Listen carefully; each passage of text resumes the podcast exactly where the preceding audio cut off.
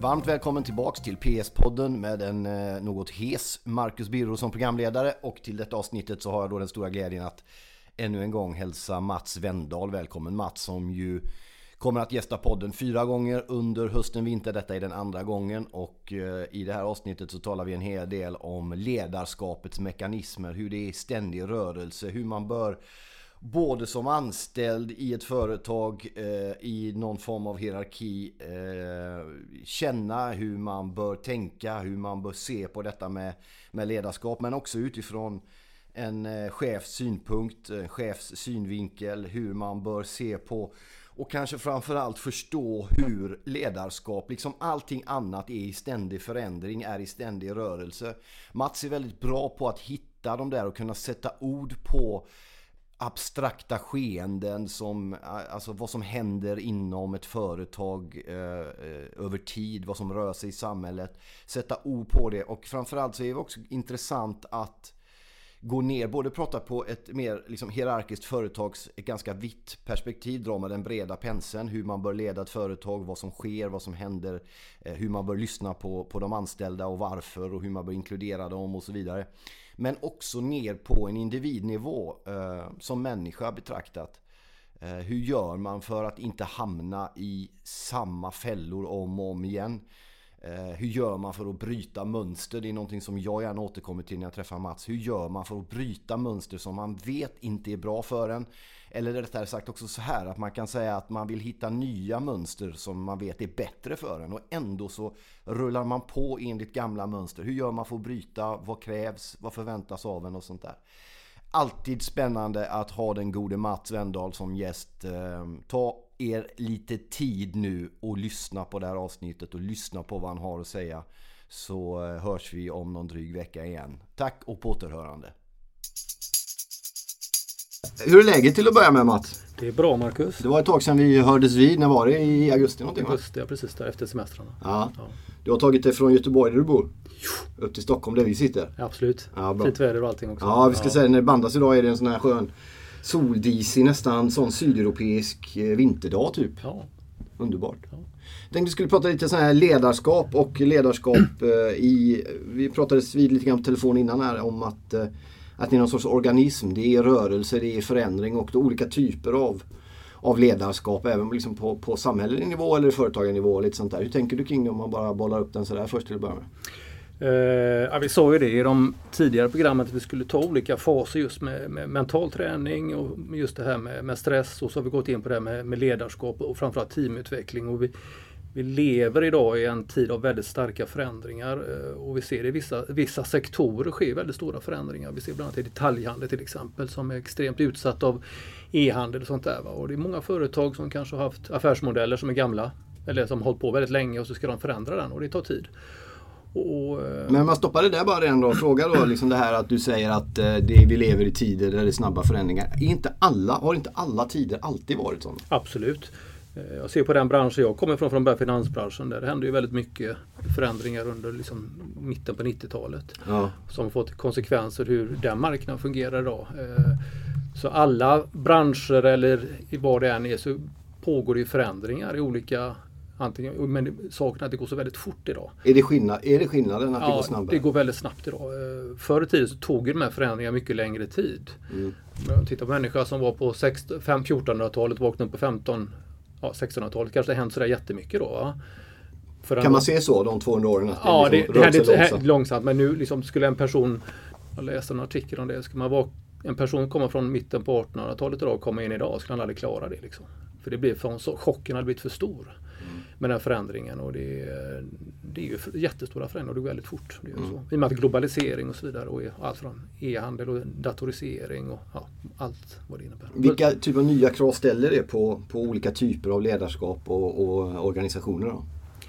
Nej men tittar man på organisationsteorier under liksom historiskt sett så finns det olika typer av modeller från början så hade man någonting som, som kallas för de mer röda organisationerna. Det var byggdes mer på maktstrukturer. Mm. Och det ser vi mer, kanske mer i maffia och sånt idag. Liksom med ja, MC-gäng och sånt. Liksom det är mer makt och du tar det du vill ha direkt så att säga. Mm. Sen försvann det så gick vi i något som kallas för gula organisationer. Och gula organisationer är det mer som symboliseras det som kanske finns, vi ser mer i, i försvaret och svensk, eller katolska kyrkan och sånt som bygger mer på hierarkisk modeller så att säga. Och det agrara samhället som, som fick det att växa fram så att säga. Mm. Men det är, som, det är förändringar över tid då när de här olika strukturerna sker. Och sen kommer vi in i de strukturerna som vi ser idag som kallas för typ mer orangea strukturer. Det är de här multinationella företagen som var där man kunde mer bara planera mål och det var mer vetenskapligt evidensbaserat. Det var rätt och fel och så vidare. Och det är, det är de strukturerna vi ser idag. De här globala strategierna som bygger mycket på vetenskap och förståelse. Men då, när du pratar där, det är alltså chefskap? Eller? Ja, det här är mer organisatoriskt men där, utöver det så är det ju viss typ av ledarskap som krävs då som, som, som primeras eller som som i alla fall som man kan säga som eh, symboliserar den organisationen. Men de här olika trafikhusen du drog där då med lampljuskulörerna mm. där. Mm. Om man bygger upp ett stort företag, om vi säger IKEA till exempel, mm. eller H&M eller något sånt där. Mm. Som byggdes under en tid där det var på ett visst sätt och nu är det ett annat sätt. Och ska man ändra det, hur gör man det då? Liksom rent praktiskt? Ja, det är det som är problemet, eller utmaningen då. då Förr hade ju folk som under industriella revolutionen eller så länge vi hade löpande band, då, var det, då gjorde man det man skulle. Då var det med auktoritära ledarskapet. Idag är humankapitalet det viktigaste.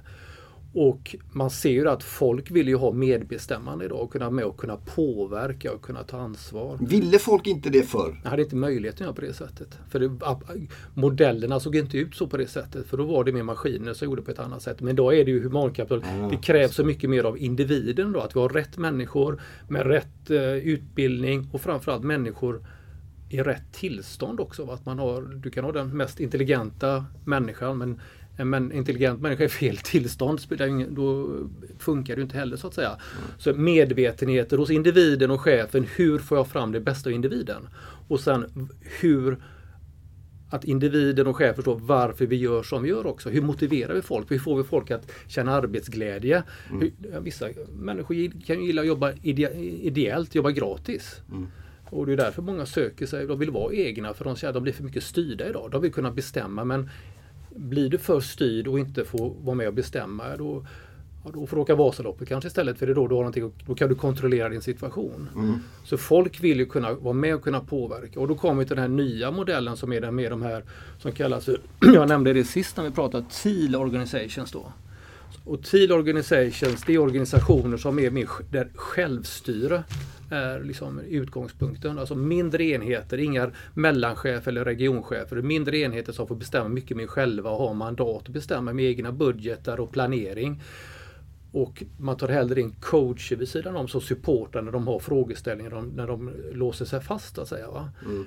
Och det finns massa, massa företag som dykt upp de sista åren som har den här typen av organisationer som är extremt framgångsrika. Mm. Eh, det finns ett holländskt företag som heter Barzog som inom, inom eh, hemtjänstvård. De har 7000 anställda och de, de går fantastiskt bra. Vad gör, vad gör de praktiskt? Vad de jobb, hur jobbar de då? Nej, de, de, de, de jobbar i mycket mindre enheter Mm. Där de får bestämma allting själva. Vilka är de? De ja, anställda? Vårda, de anställda. Okay. Och de gör det de ska göra. Det är inte massa så lite administration, så mycket, lite papperexercis som möjligt. Utan de gör ut det de ska göra och tar ansvar för det. Men det måste finnas någon annan som gör det andra då? Det finns en grupp, en annan en grupp som gör det, som gör något annat då. Mm. Plus att de tar in coacher som coachar dem i en beslutsprocess till exempel. Så är det så att de ska ta ett beslut då sätter de sig ner till hela gruppen tillsammans och så har de en moderator. Men moderatorn är inte en bestämmande funktion utan den ställer bara frågor. Och sen har, sätter de själva dagordningen och säger okej, okay, vad är aktuellt just nu? Det är vad de tittar på så att säga, den här gruppen. Så går de utgå från det. Och sen går moderator in och ställer vissa frågor då. Vad är ert förslag till exempel? Vad är grunden till det här förslaget? Så får man prata om det. Och så steg två är, då får granska man de här förslagen sen. Mm.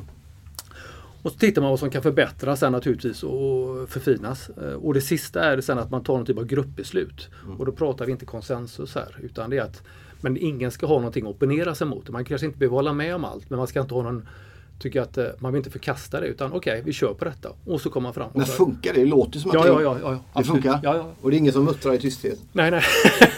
nej, och de är väl de är produktiva och tjänar mycket pengar och, de, och, och, det finns ett företag i Frankrike också som heter Favi eh, som också inom fordonsindustrin som också är extremt lyckosamma. Mm. Eh, fick de en ny ägare här som ändrade lite i och för sig men de gjorde det här under 80-talet och blev jätteframgångsrika. Men vad är syftet med att hela tiden hålla det här vid liv? Är det, är det liksom, kan man göra det uppifrån eller sker all förändring även högre upp i företagshierarkier underifrån? Eller vad, vem är det som håller blicken på hur det går så att säga? Är det uppifrån eller nerifrån? Jag tror det här kan låta lite kanske diffust då, men jag tror att det finns en underliggande kraft bakom allt. Det är som evolutionen i allt, i naturen. Det finns en organism, en, en naturlig kraft i allt som vi gör. Mm. Och det, krä, det, kommer, det genomsyrar även i, inom företag och organisationer och det är därför det händer olika saker inom organisationen som vi ibland inte kan förklara.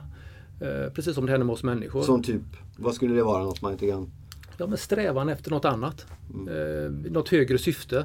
Istället fråga hur kan vi tjäna mycket pengar? Hur tjänar vi mer pengar? Nej, vad vill jag göra? Vad drivs jag? Vad, vad har jag lust med? Och när vi gör något som vi känner extrem passion för och att det här är vad jag är född att göra eller vad det är jag kan bidra till mänskligheten. Då kommer det andra automatiskt. Och det här kan låta lite spirituellt kanske, men när du går inifrån utledarskapet istället för utifrån in. När vi släpper vårt ego och inte tittar på att på utsidan, budgeterna eller bonusarna och allt det här. Utan vi släpper hela den biten. Utan tänker, vad, vad ger det här mig? Vad ger det oss tillsammans? Då, då, då vet vi, och det vet du som inom fotbollsvärlden Marcus. Mm. Det finns exempel på för, fotbollslag som när de inte de spelar inte längre för att vinna ett, en trofé. Utan de spelar för något helt annat. Mm. Och, och, när du ändå är igång då kan jag ta ett exempel. Om du kommer ihåg den där skottlossningen som var i Las Vegas förra året. Mm. Och där är ett sånt typexempel. För det var ju det här hockeylaget som kom in mm. från Las Vegas. Första året var med NHL. Eh, när de draftade så tog de leftovers. Alltså det som fanns, skrapet som fanns kvar. Mm. Eh, de bildade det här hockeylaget. Men de förenades runt den här händelsen mm. som stärkte hela Las Vegas och de gick till, till Stanley Cup mm. mot alla odds. Mm. Och, de, och sen hade de några seniora spelare som varit med för som kunde skapa stadga och trygghet i laget. Så att säga. Men det här är ett sådant exempel. Jag vet Katarina till exempel, den orkanen nere i södra USA. Några år efter så vann ju de till exempel Super Bowl där nere. Då, mm. Och det, det var inte längre att vinna Super Bowl. Det var inte längre att vinna Stanley Cup som drev dem. Utan det var det här högre syftet. Och jag tror när, när individen får känna att den jobba för något högre syfte. Mm. Då får du glädje och lust och det är de, det de här organisationerna är så framgångsrika med. De det är jätteintressant idag men då håller kvar vid fotbollen. Italien vann ju VM-guld 06 i fotboll. Ja.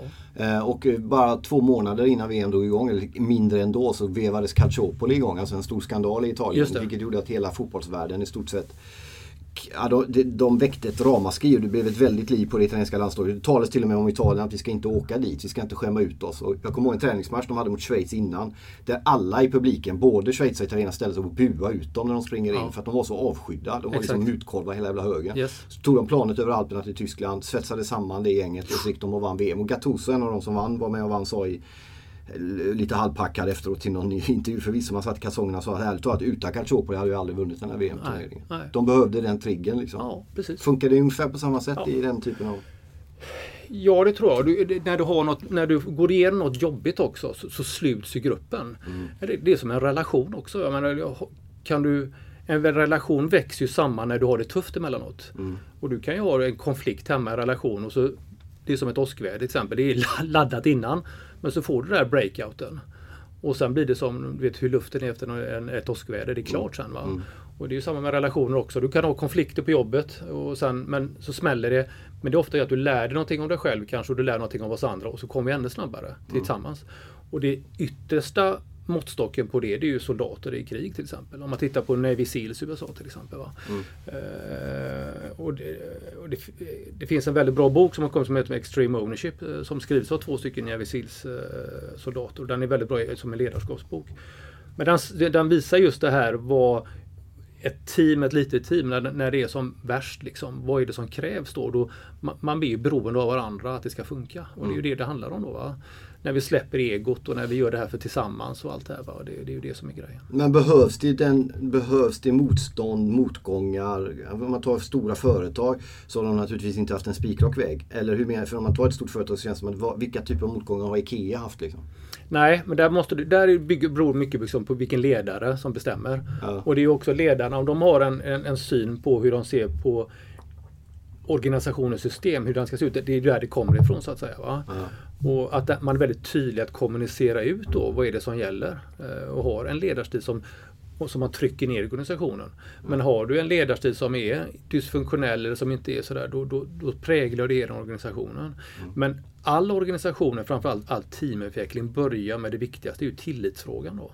Mm. Och det är inte... Åt vilket håll går den först och främst? Ja men, ja, men tilliten är ju, den är ju tvåvägs. Jag menar, du som ledare, om inte du har tillit till den anställda eller den anställda som inte känner tillit till dig. Då kan du aldrig bygga ett framgångsrikt team till exempel. Mm. Och när vi, då frågar jag, okay, vad, är, vad är tillit då? Ja men tillit är att kunna vara sårbara, inte knivhugg i ryggen. Kunna säga förlåt och säga att jag hade fel här. Och vara rent transparent. Och det är som vilken relation som helst. Det, det är tillitsfrågan är det absolut viktigaste. Mm. Det känns inte som att den är, finns överallt? Eller? Tilliten i företagsvärlden? Och i... Nej, jag menar det, ja, finns ju många tillfällen när, det, när kanske en anställd inte känner tillit till sin chef. Eller tvärtom och då blir, då blir det svårt att kommunicera. Mm. Och, och, del två i den är då, har du inte tillit till dina medarbetare då kan du inte ha konstruktiva konflikter heller. Nej, vad är en konstruktiv konflikt? Ja, som inte så mycket personangrepp då utan okay. håller, man håller oss till sakfrågan. Mm. Men det är ju så att har du, har du inte tillit till varandra då blir konflikter, då, blir det, då kommer egot in direkt. Va? Det är massa andra känslor och prestige och roller och sånt där som spelar roll. Va? Ja. Istället titta vad är det vi ska prata om egentligen? Vad är sakfrågan? Vi ska lösa en uppgift här. Mm. Men konflikter är ju någonting som det tycker är jobbigt. Eh, de vill hellre ha harmoni, att det är gullegull och lalaland och sånt där kanske. Då, va? Men jag tar en konkret fråga till dig då.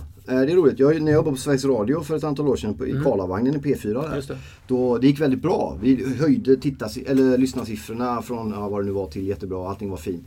Och, och, det rullade på bra. Vi hade fredagar och vi var jättebra allting. Och det var, vi gjorde om det lite och sådär. Mm. Eh, men då hade en producent som var väldigt arg på mig för att hon ansåg att jag kom in för sent. Mm. Att jag var lite sådär ofokuserad på grejer som inte hade med produktionen runt programmet att göra. Okay. Och hon hade säkert en poäng i det. Men mm. jag blev sur på det. Så vi har, går det bra eller inte? Ja, det går jättebra. Programmet är fantastiskt. Men vem hade rätt i den grejen? Vem hade rätt? Ja. Båda, båda hade fel kan man säga. okay. Det är underbart svar. Okay. Nej men rätt och fel. Jag, eh, om vi inte värderar och dömer situationen kanske utan bara ser för vad den är och så pratar vi om det istället. Mm. Eh, men går vi in och säger vem har rätt och fel, då, det är ju det första felet vi gör. Mm. Men vi kan ha, när vi möter människor, vi kan ha den här att inte döma och värdera någonting. Mm. Utan se situationen som den är först.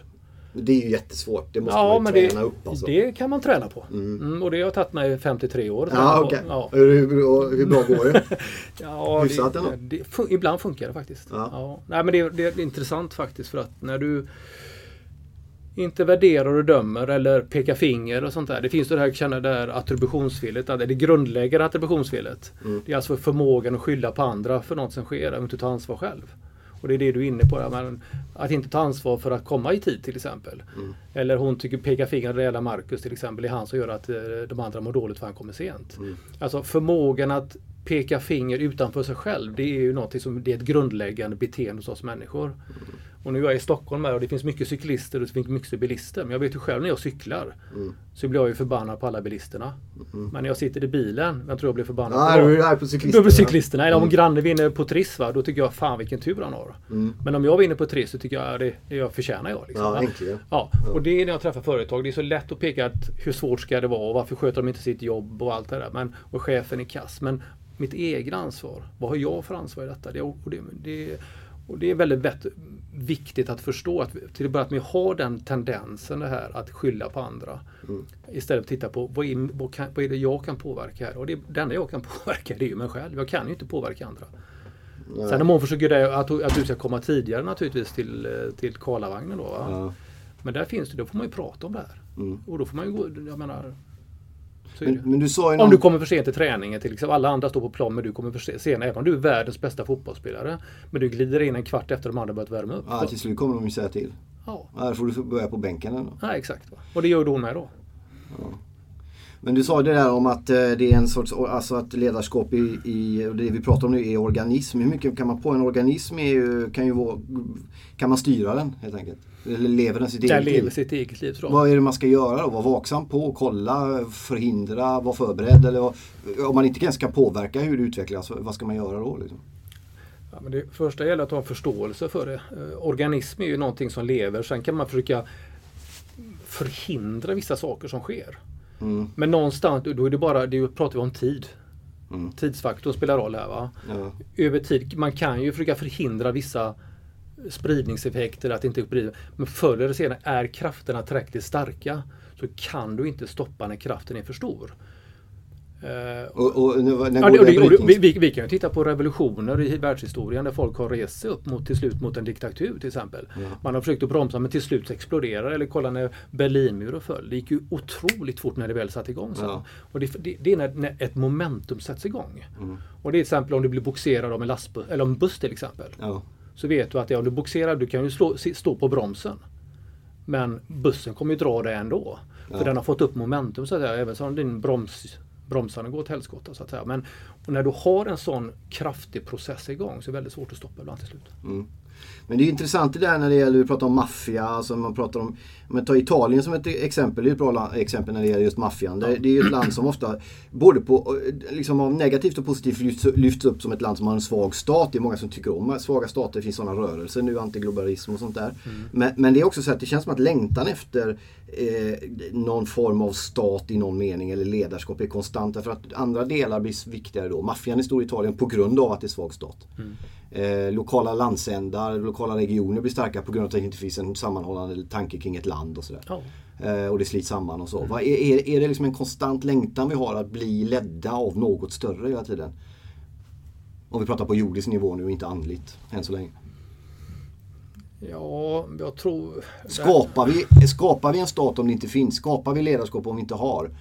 Alltså när, hur långt går det tillbaks egentligen? Hur viktigt är det att ha någon som man kan komma till? Ja, det, ja, det, det, då är vi ju tillbaka lite på liksom hur, hur, i vilken fas är själva regionen så att säga. Vad är behovet just nu? Vad är människornas behov i den stund de befinner sig just nu? Mm. Är de fattiga och har inget, liksom ingen framtidsutsikt? Och klart, då är det lättare för en ledare och en auktoritär person att komma fram och ta tag nu, nu ska jag hjälpa er. Liksom. Är det alltid fel? Jag, säger inte, nej, jag kan inte säga om det är rätt eller fel. Ah, okay. Det, jag säger inte det. det. Men skulle du fråga ni tio pers, auktoritära, auktoritära ledare, vad tänker du då? Usch, nej det är ju Hitler, det vill man ju inte. Det tror jag de flesta tänker. Ja. Auktoritär eller auktoritet, det är två olika saker. Ja, det har du rätt i. Men, auktoritär då kanske är väl ja, det värre va? Ja, men... Eh, För auktoritet är ju föräldraskap till exempel. Exakt, det är ju inte Hitler liksom. Nej. Förhoppningsvis. Nej, och i, det tittar man på, liksom, på eh, organisationsteori. Man tittar på sånt som Fireroom-modeller och sånt. Vad är det för något? Ja, det är en, eh, en grupputvecklingsteori som, ja. som är väldigt känd. Då, ja. Där gruppen går igenom olika faser. Mm. På hur mogen gruppen blir i fas 1 när en grupp träffas till exempel. Va? Då mm. är alla vänliga mot varandra. Vi känner ju inte varandra. Då, försöker man, då är det det här att ja, man är ganska tystlåten och man, är, man försöker bara vara kompis. Och man, man vågar inte ta positionera sig. Det finns inga konflikter. Nej. Och där krävs en typ av ledarskap. Där behövs det en ledare som är väldigt bestämmande och styrande för gruppen vill ha trygghet i den fasen. Och att det är ordning och, ordning och reda, agender och så vidare. Och för det här handlar om, liksom, ska vi vara med vill jag vara med i båten så att säga. Här. Mm. Ska jag vara med i, i truppen eller vill jag, ska jag hoppa av? Så att en ledare behöver vara auktoritär i början men behöver ja. sen kunna förändra sig till... Exakt. Ah, okay. exakt. Och sen när vi kommer in i fas 2 i den här teorin då. Det, Susan Whelan finns en som heter också som har en annan teori på detta som också är vetenskapligt eh, studerad. Och ungefär samma principer. Men i fas 2 då är det mer, då har gruppen hållit på ett tag. Men då börjar konflikterna komma. Då börjar man utmana varandra så att säga. Mm. Man utmanar ja, sina kollegor eller man utmanar chefen. Mm. Och har vi två personer som är, då kommer det informella ledarskapet in. Och har du två personer i gruppen som är ganska dominerande så börjar de slåss om det här informella. Och det är alltså det är en, en process, en organism, en metodik som, som, som händer i alla grupper beror på hur mogen gruppen blir. Men i den här andra fasen då, då, då krävs ett annat ledarskap. Då är det mer ett handledande ledarskap. Om ledaren inte förstår det i den fasen vad som händer när den blir utmanad av gruppen. Eller när det handlar konflikter, utan går in med ännu mer makt där.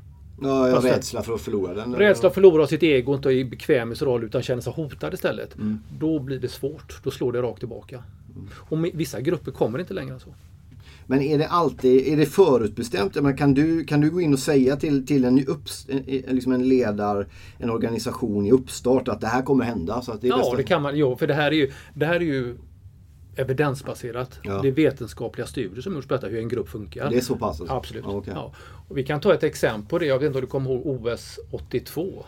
Hockeylaget där i Lake Placid som vann. Ja, ja, USA ja. ja. Och det finns den där kända filmen Magic on Ice. 80 tror jag det var. Var det 80? Ja. Fan. Ja. Aj då. Ja. Vi suddar över På spåret-kunskapen. Ja, ja. Jag tror att jag hade rätt. Ja. Men där, den filmen är rätt intressant för den går igenom de här faserna i filmen, vad som händer i teamet. Ja. Och det finns en sekvens där när, som är så intressant, när gruppen har i början då, då slogs de mot varandra, de hittade positioner och så vidare då, i, på träningar och sånt. Då. Men ju mognare gruppen blev, det mer accepterade de varandra. Och helt plötsligt skulle tränaren mitt i filmen ta in två nya spelare från något annat. Mm. Och då gick ju gruppen fullständigt bananas på detta. Varför ska filmen nya? Och så frågade han Brooks då, liksom, laget, där, men, men vi, vi måste få in de här. Ja, men då säger en av killarna, ja men vi är ju en familj. Ja, okej. Och då fick tränaren, då förstod tränaren, nu har jag fått gruppen hit av vilja. För nu var de en familj. Och den starkare Bond kan ju inte få att den får den här familje eller Band of Brothers-känslan. Nej. Och att ta in då två personer i det läget skulle mer söndra än förbättra laget då. Så han insåg att nu har jag nått dit jag vill. Och det är det som är när du kan få en grupp och team att vi är en familj. Då har du kommit jävligt långt. Han tog inte in nya? Nej. Om man för över det här på en nästan högre politisk nivå då, så kan det ju bli lite annorlunda tankegångar kan jag tänka. Det känns stängda gränser och vi är en del här och vi ska inte... Det går inte att göra den. Vad tänker du om det? I politiken? Ja, men som land, om man kan få den känslan i organisatoriskt, kan man överföra den tanken? Och säga, nu är vi en del, vi lilla Sverige här. För det finns ju sådana tankar också nu, politiska rörelser. Som gärna vill stänga gränser, som vill sluta, som vi är ett folk, de är Ja, sådana. då är du inne på det här med demokrati som har kommit tillbaka rätt mycket. Som, vad är demokrati? Har vi gått för långt i demokratin? Men den vill inte jag gå in i. Nej, Nej, det, nej. är inte min, det är inte min arena så att säga. Ja. Den, Men om vi återgår till eh, företagande då. Eh, är, det, är det alltid, när, när, du kallas in så att säga, eller när du, jobbar du alltid på chefers uppdrag? Eller, på, eller kommer det liksom anställda till dig och vill ha hjälp med hur chefen är? Löjlig fråga kanske. Men... Nej, men det kan ju vara så. Anställda måste ju gå via chefen för att få mig. Att säga. De Ja, måste okej. få, få det förankrat. Och Ja. kan, alltså- Men måste man jobba med ledarskap alltid uppifrån och ner? Nej, nej, nej. nej. Nej. nej.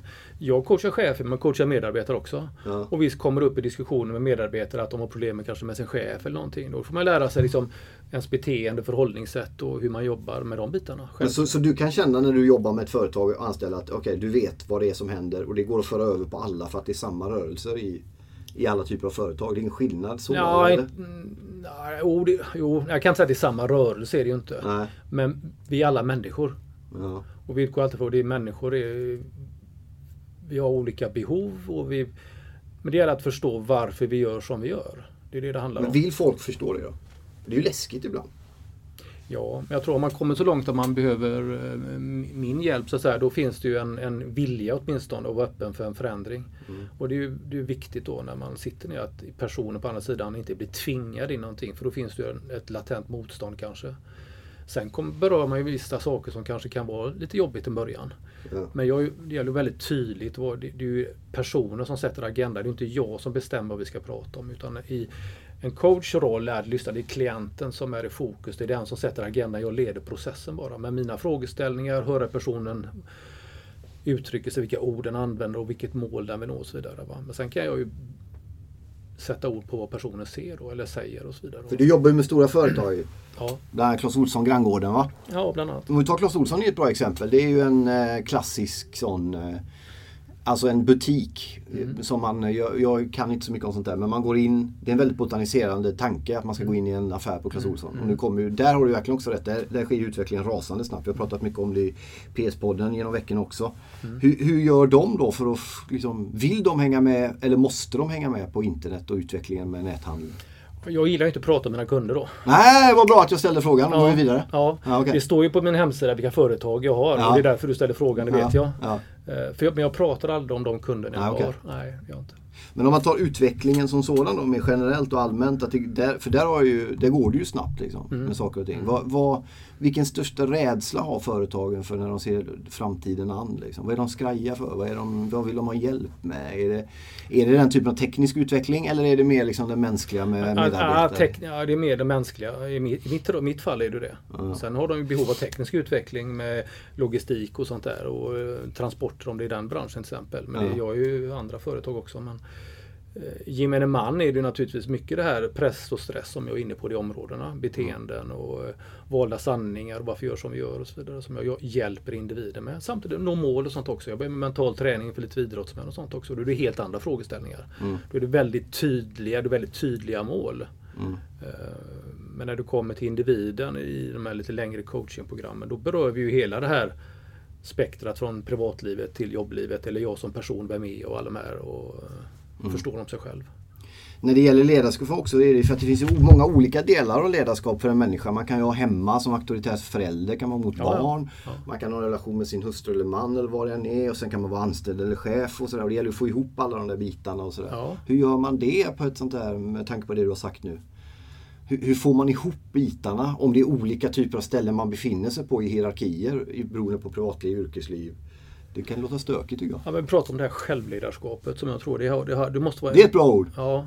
Du Självledarskap. Måste, ja, och det måste vara, du måste vara nyfiken och intresserad av dig själv. Och att du måste, för att kunna hjälpa andra människor så måste du kunna hjälpa dig själv. Och du måste vara trygg i dig själv och förstå dig själv varför jag själv gör som jag gör. Mina tankar, mina känslor, hur jag hanterar dem och reflekterar över de här, varför jag känner som jag känner. Ja. Eh, varför känner jag så här när någon person säger någonting till mig till exempel. Det är lätt att säga att jag blir reaktiv på allting som sker. Man reagerar på allting som sker utanför mig själv.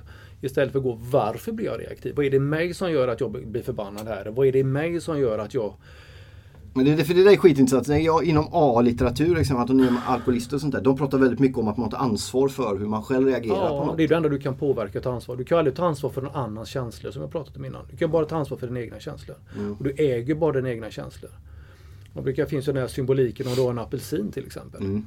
Och så säger jag till Mark, om jag klämmer den här apelsinen, vad kommer ut då? Mm. Vad kommer ut då?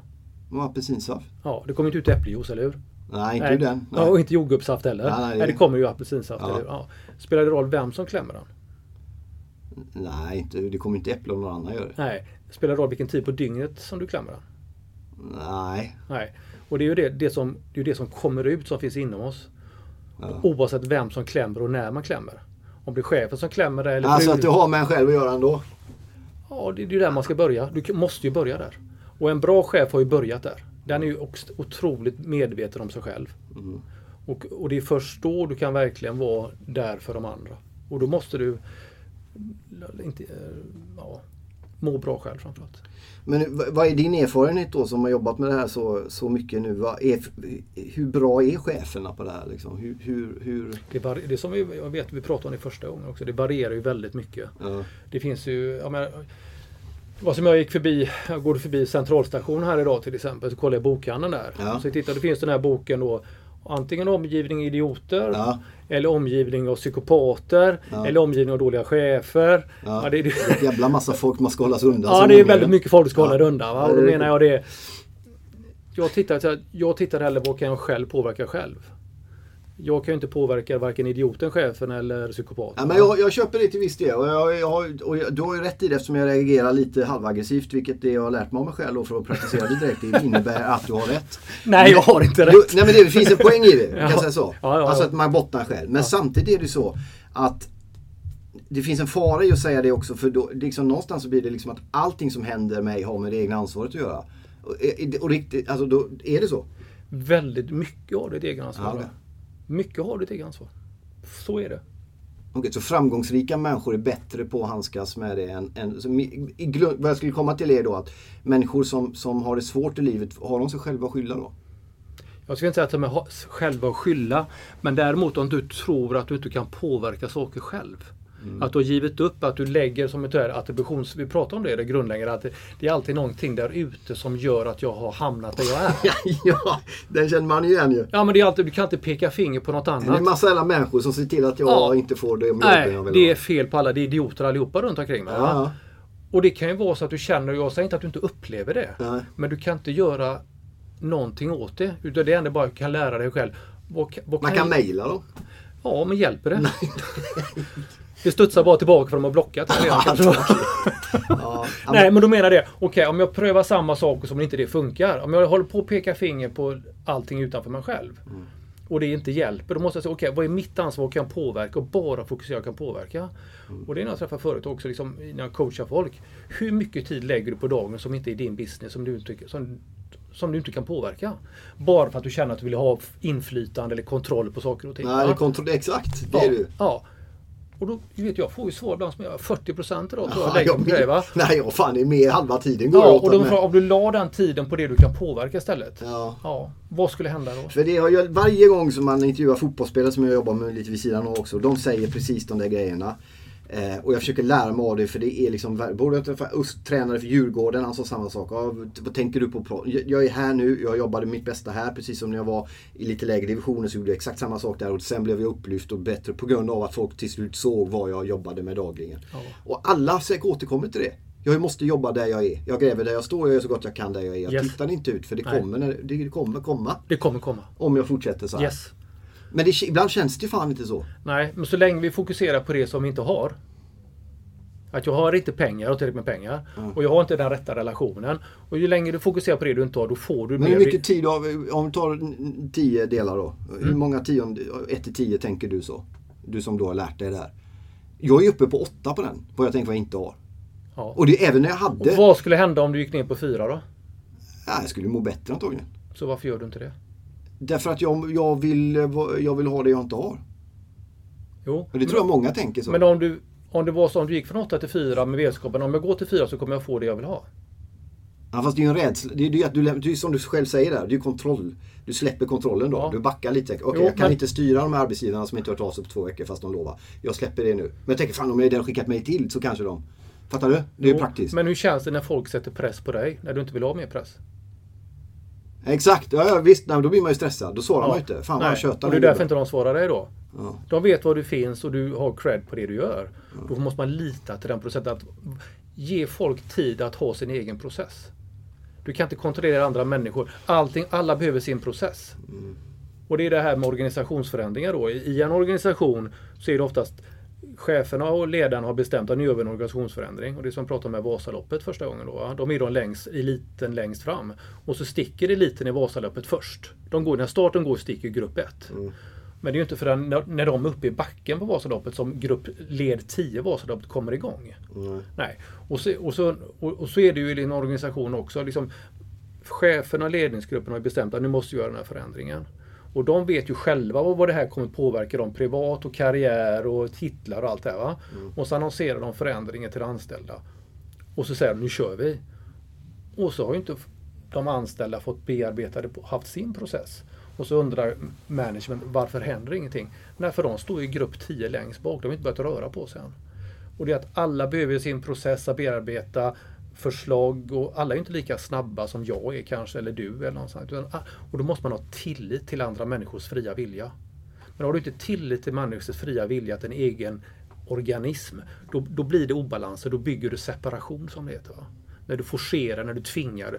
Och ju mer vi tvingar, ju mer vi forcerar, desto jobbigare blir det. Vi tror ju att ju mer jag knyter näven i byxfickan, ju mer jag anstränger mig och allt det här. va? Ja, ju mer mejl jag skickar. Ja, ja, Nu ja. jag kunde och det, är tvärt, det är tvärtom. För när vi är som bäst, det är det vi kallar för flow och zone. Vi pratade om innan. Liksom, inga tankar, det ska vara lätt, det ska kännas i kroppen lätt. Och då frågar jag, när du vill lägga det här mejlet, hur känns det i kroppen?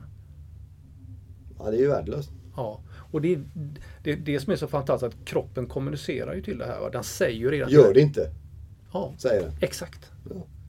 Så nästa gång du har den här känslan av spänd, arg eller frustrerad, vad fan, eller och jag måste få den här färgen. Gå därifrån. För, då är det, för känslorna guidar dig om tankarna är på väg åt rätt eller fel håll. Det är som din egen barometer. Så lita aldrig på de tankarna som bygger på en dålig känsla, för det är inte du. För när du är som bäst, då är det enkelt, det är avspänt, det är flow och allt detta. Va? Och, kunna, och det är det vi kommer tillbaka i ledarskap och allting. Va? När vi kan lita och ha mod att leda på den processen, att det är så det funkar. Att vi är som bäst när det känns enkelt. Och det är som en relation också. En relation ska inte vara spänd, den ska vara enkel. Mm. Ja. Och det, så är det. Och det, när man kan anamma det så är, då händer rätt coola grejer faktiskt. Hur lång tid eh, är det då? eh, Vi ska inte gå igenom privat på det, men eh, organisat, hur lång tid tar det att få en halvkantrad företagskultur organisationsmässigt att komma på mer rätt bana? Liksom? Det kan ju ta väldigt lång tid för det är en, en, en gammal organisation som kanske har funnits i 30, 20, 30 år. Eh, De har ju byggt upp sina strukturer, och värderingar och värdegrunder och sånt och ändra det, det kan ju ta tid. Och, sen, och det beror på vilket ledarskap och vad som har hänt i den branschen. Så det är så många andra variabler som spelar roll. Men en bra ledare som kan kommunicera ut det här väldigt tydligt och väldigt transparent till sina anställda och gå ner och vara med medarbetarna och vara det, då, då, då, kan det, då kan det gå fortare. Mm. Men eh, det kan ju ta tid om det är en riktigt gammal organisation. Därför är det lättare att anamma den här nya organisationsstrukturerna på nybildade företag. Ja. Det, det, går inte att komma ifrån. Men det finns företag som är gamla som gjort så. Är det olika, olika branscher med? Nej, de, om man tittar på Teals Organization så finns det organisationer i de flesta branscherna. Patagonia är ett sånt känt företag inom klädindustrin som gjorde detta. Mm. Jag pratar FAV i stålindustrin i Frankrike eller Bertzog i Holland. Där sjukvårdsföretaget. Så det, det är massa olika sektorer. Mm. Mm. Men intressant är det bara för oss att knyta an till Italien igen då som är ett land med en svag stat. Som vi har varit inne på och pratat lite delvis om. De här grejerna du har nämnt här med, med liksom, maffian är stark där. Eh, de lokala regionerna är starka där. Eh, det här eh, det kollektiva tanken, alltså kooperativ i Italien är extremt ja, ja. starka där. Ja, de hittar hela tiden, det jag menar att det finns någon sorts längtan efter att söka sig till någon form av sammanhang. Absolut. Om inte det större sammanhanget erbjuds. Sverige är ju tvärtom, här finns det ett stort sammanhang. Jo, och det du säger där, det är ju det här större sammanhanget och du säger de här kooperativa. Det var också en organisation som kallas för gröna organisationer som fanns ett tag och det såg väldigt mycket under 60 och 70-talet. alla skulle med bestämma, det var inga chefer och ingenting där. Det var konsensus och det, det, det ja. Det, skulle inte det är vara, ganska vanligt i Italien. Det är väldigt ja. Mm. Och, och, och, vi är ju flockdjur. Vi, var typ, vi vill vara ett typ av sammanhang. Och det är mm. därför folk typ tar på sig, som här ligister tar på sig de här, i USA, de här röda headbands till exempel. Att tillhöra någonting. Eller en jacka med ett namn på där bak. Jag tillhör en team, en grupp, för känna det sammanhanget. Matchtröjor? Matchtröjor, samma sak. Mm. Ehm, och, så, eller om vi tittar på barn till exempel, då får man inte kärlek från föräldrarna och får att då söker man sig någon annanstans. Då kanske man söker till sig en grupp någon annanstans eller en pojkvän eller någonting annat. Mm. Så man vill ju, där man känner sig accepterad och sedd och bekräftad eller någonting det, det, så, vi funkar så som människor. Mm. Stort tack för att du tog dig tid att komma hit Mats. Har ja. du någonting till vill lägga till där eller ska vi spara det till nästa gång Det vi ses? får vi spara till nästa gång. Vi har minst två gånger till innan jul hoppas jag. Ja. Uh, och så får vi höra som eh, det privata där som jag behöver hjälp med som vi alla hörde lite grann. Det kan vi ta när vi stänger av micken som vi gör alldeles strax. tack, för att ja. du var, tack för den här gången Mats. Tack själv Marcus.